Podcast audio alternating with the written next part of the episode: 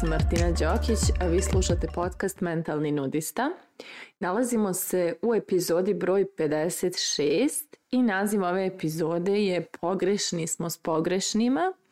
Iako ova epizoda zvuči možda kao ljubavno, odnosno ovaj naslov vuče na neku ideju veza, zapravo govorit ću o mnogo širem pojmu pogrešnosti i pogrešnih ljudi oko nas i pogrešnih odnosa, ne samo o tom striktno ljubavnom, nego i poslovnom i prijateljskom i kakvom god. Tako da spremite se, polećemo. dakle, Ova epizoda e, je inspirisana nekim procesom kroz koji ja trenutno prolazim. E, naime, prolazim kroz consulting e, za rekonstrukciju moje kompanije u Beču i prolazim kroz izgradnju novog biznis modela, novih, novog biznis plana i tako dalje. I znam, napokon su te neke vizije koje ja toliko dugo imam i koje su tako nekako meni uzbudljive i važne i pokretačke, počele da dobijaju svoju formu, počele da dobijaju neki početak i kraj, a što je najvažnije, dobile su i kontekst kojem pripadaju, odnosno ja sam sve vrijeme svoje ideje smještala u svijet u kojem one ne pripadaju i sve vrijeme ih poredila sa tim svijetom i um, kako kažem, tražila validaciju u tom svijetu u kojem se one ne uklapaju, a kada me neko samo malo usmirio da postoji tu neki drugi svijet, neki drugi univerzum u kojem su te vrijednosti koje ja implementiram u svoje ideje zapravo najvažnije i najviše poštovane, kada sam dotakla taj drugi svijet, ja sam se osjetila kao da sam našla svoje mjesto pod suncem i to je onaj izraz koji ja koristim svaki put kada se osjetim da sam se napokon negdje osjetila da pripadam. Taj isti osjećaj se meni desio i kada sam bila na fakultetu i kada sam uh, pokuš, uh, uvijek imala te neke svoje ideje mijenjanja svijeta i doprinosa i vozile su me tako neke megal, megalomanske ovaj, vizije, a ljudi oko mene su bili fokusirani na to da treba da uče, da završe fakultet, da nađu posao I ja sam se stalno osjećala kao da sam ja možda naivna ili, ili zaluđena ili zbrkana ili ne znam ni ja. Osjećala sam svašta, u suštini mnogo sam preispitivala sebe i svoje poglede jer mom okruženju u tom kontekstu u kojem sam se ja nalazila ti moji pogledi su štrčali i bili su vrlo neuklapljivi. Onda mi se desila studentska organizacija ISEC I sjećam se da sam otišla na prvu konferenciju i našla se u prostoriji sa stotine ljudi sličnih meni. I bukvalno sam tada to izgovorila. Ja se osjećam kao da sam našla svoje mjesto pod suncem. I stvarno tada u toj organizaciji sam, bilo je neverovatno, mnogo sam rasla, mnogo sam napredovala, mnogo sam stekla kroz to, baš zato što sam se našla u onom, tamo gdje ja pripadam. I upravo to nam se zapravo i dešava najčešće kao ove moje primjere, pa i u vezama, i u odnosima, i u prijateljstvima, i u poslovima, i u svemu, da se često osjećamo pogrešnima sa nekim svojim vizijama i idejama, samo zato što se nalazimo u kontekstu u kojem to što mi mislimo ili želimo ili zamišljamo vrlo odskače i onda nekako se osjećamo kao neki vanzemaljac, kao neko ko je pogrešan na neki način i e, često nas to preispitivanje podbada. I upravo dok se mi tako sebe, da kažem, preispitujemo zbog tog okruženja u kojem se nalazimo, mi zapravo time oslabljujemo to neku, tu neku ideju ili tu taj neki naum ili taj neki način razmišljanja, odnosno umjesto da čvrsto stojimo iza toga što mi osjećamo i vidimo kao ispravno, mi postajemo vrlo nesigurna osoba koja e, praktično se klima na tom svom mjestu jer nije sigurna da vidi stvari ispravno,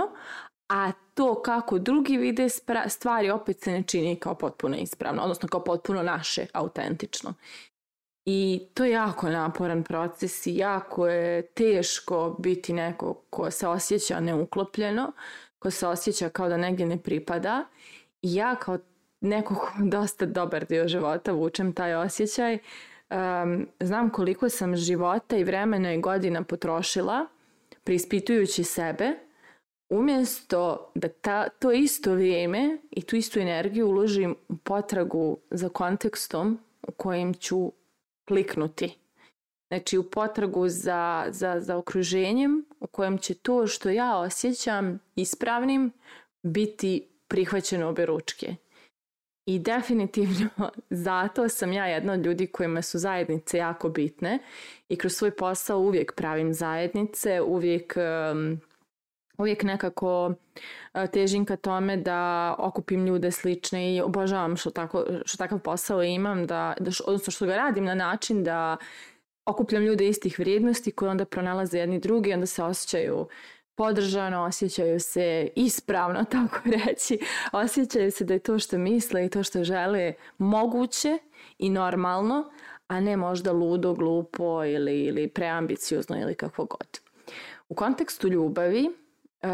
jako je naporno, pošto mi iz našeg tradicionalnog sistema, koliko god da smo moderni, nosimo taj neki teret e, tog nekog uspjeha koji se postiže isključivo kada si u paru i evo ja ovu epizodu snimam danas kada je meni rođendan i imam dosta poruka koje su mi poželjele partnera i slažem se, lijepa je to želja, a nekako e, moja mama prva je danas nazdravila na slavi sa, sa željom da iduće godine budem udata, što je meni onako totalno nije želja koja je meni primarna i baš taj moment e, te tradicionalnosti često nas dovodi u, u, u stanje da smo spremni da se namještamo za nešto što nije pravo za nas, samo da bismo ispunili tu neku normu, taj neki osjećaj da smo ispravni jer imamo nekog pored sebe i prosto da smo u paru, da nismo sami. I onda se često dešava da neko ne razumije neke naše poglede, ne razumije naše potrebe, ne priča naš ljubavni jezik, ne gleda svijet istim očima kao mi, a mi nekako pokušavamo od tog odnosa da napravimo nešto što jeste dobro, što jeste pravo, a nekako sve vrišti da tako nije. I ja takva kakva sam kao neko ko se rijetko u životu osjeća uklopljenim, E, imala sam tendenciju da krijem neke svoje teme kada se s nekim upoznajem u tom nekom muško-ženskom ljubavnom smislu e, i da nekako ne, ne otvaram odmah sve istine o sebi koje mogu biti malo previše ili ekstremne ili nekome malo ono preabstraktne ili prekomplikovane jer za boga jeli takva sam ja pa na primjer ne znam ja ne jedem meso vegetarijanac sam već ne znam godinama um, onda jako sam povezana sa svojim vrijednostima, vjerujem u, u doprinos kao način da se razvijamo, uh, vjerujem da mogu da promijenim svijet, um, imam taj moment da smatram da je važno da radimo isključivo ono što nas ispunjava i čini srećnima u svrhu, vjerujem. Dosta sam spiritualna, vjerujem da sve ima smisao i da i one najgore stvari koje se dešavaju opet su neka stepenica ka višem čak i kada se to tako ne čini. Uh, I tako dalje. Znači imam puno nekih tih istina svojih koje ja sam ranije mnogo onako skrivala dok se neko kao ne opusti malo pa da ja onda pokažem ko sam. A u suštini onda dođemo do toga da sam sve vrijeme lagala ko sam i pokušavala da budem prava nekome ko je pogrešan. A onda sam i ja njemu pogrešna i tu potpuno gubimo vrijeme i ostajemo u lošem stanju jer ne prikazujemo svoje autentično ja. Sada sam već, baš evo ove godine, došla na nivo da vrlo iskreno i jasno komuniciram ko sam, da imam vrlo jasne granice, na primjer kada neko krene da podcijanjuje ove stvari kojima se ja bavim ili da priča da su to nebitne gluposti ili tako nešto, da to nije osoba s kojom ja želim ni kafu da popijem i da prosto uh, jasno komuniciram svoje istine, svoj svijet, svoje vrijednosti i jasno bivam to što jesam, jer sutra kad se pojavi neko koji isto emituje to što jeste i ta dva svijeta se onako prepoznaju i kliknu, to će onda biti pravo. Prosto prestala sam da glumim da sam prava nekome ko je pogrešan za mene i to je ogromna ušteda energije. Tako da u suštini mi često pravimo baš te izazove i problematike umesto da sav svoj fokus posvetimo pronalasku pravog okruženja, pravog konteksta, pravih ljudi, onoga gdje mi osjećamo da smo svoji na svome, gdje je lako biti to što jesi, gdje se osjećaš da je to što misliš, to što osjećaš, to što veruješ i pričaš ispravno – E, umjesto da svu energiju usmjerimo na to, mi često mnogo više energije usmjeravamo na preispitivanje sebe, na sumnjanje u svoje poglede, u svoju autentičnu neku istinu i često uh, mnogo energije trošimo u pokušavanju da budemo uklopljivi tu gdje smo se našli, a to često može da ispadne da nije ono naše pravo mjesto pod suncem. Tako da moje pitanje za kraj ove epizode jeste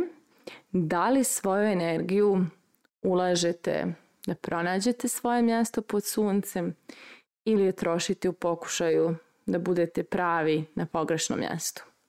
Mislite o tome, a mi se družimo u narednoj epizodiji.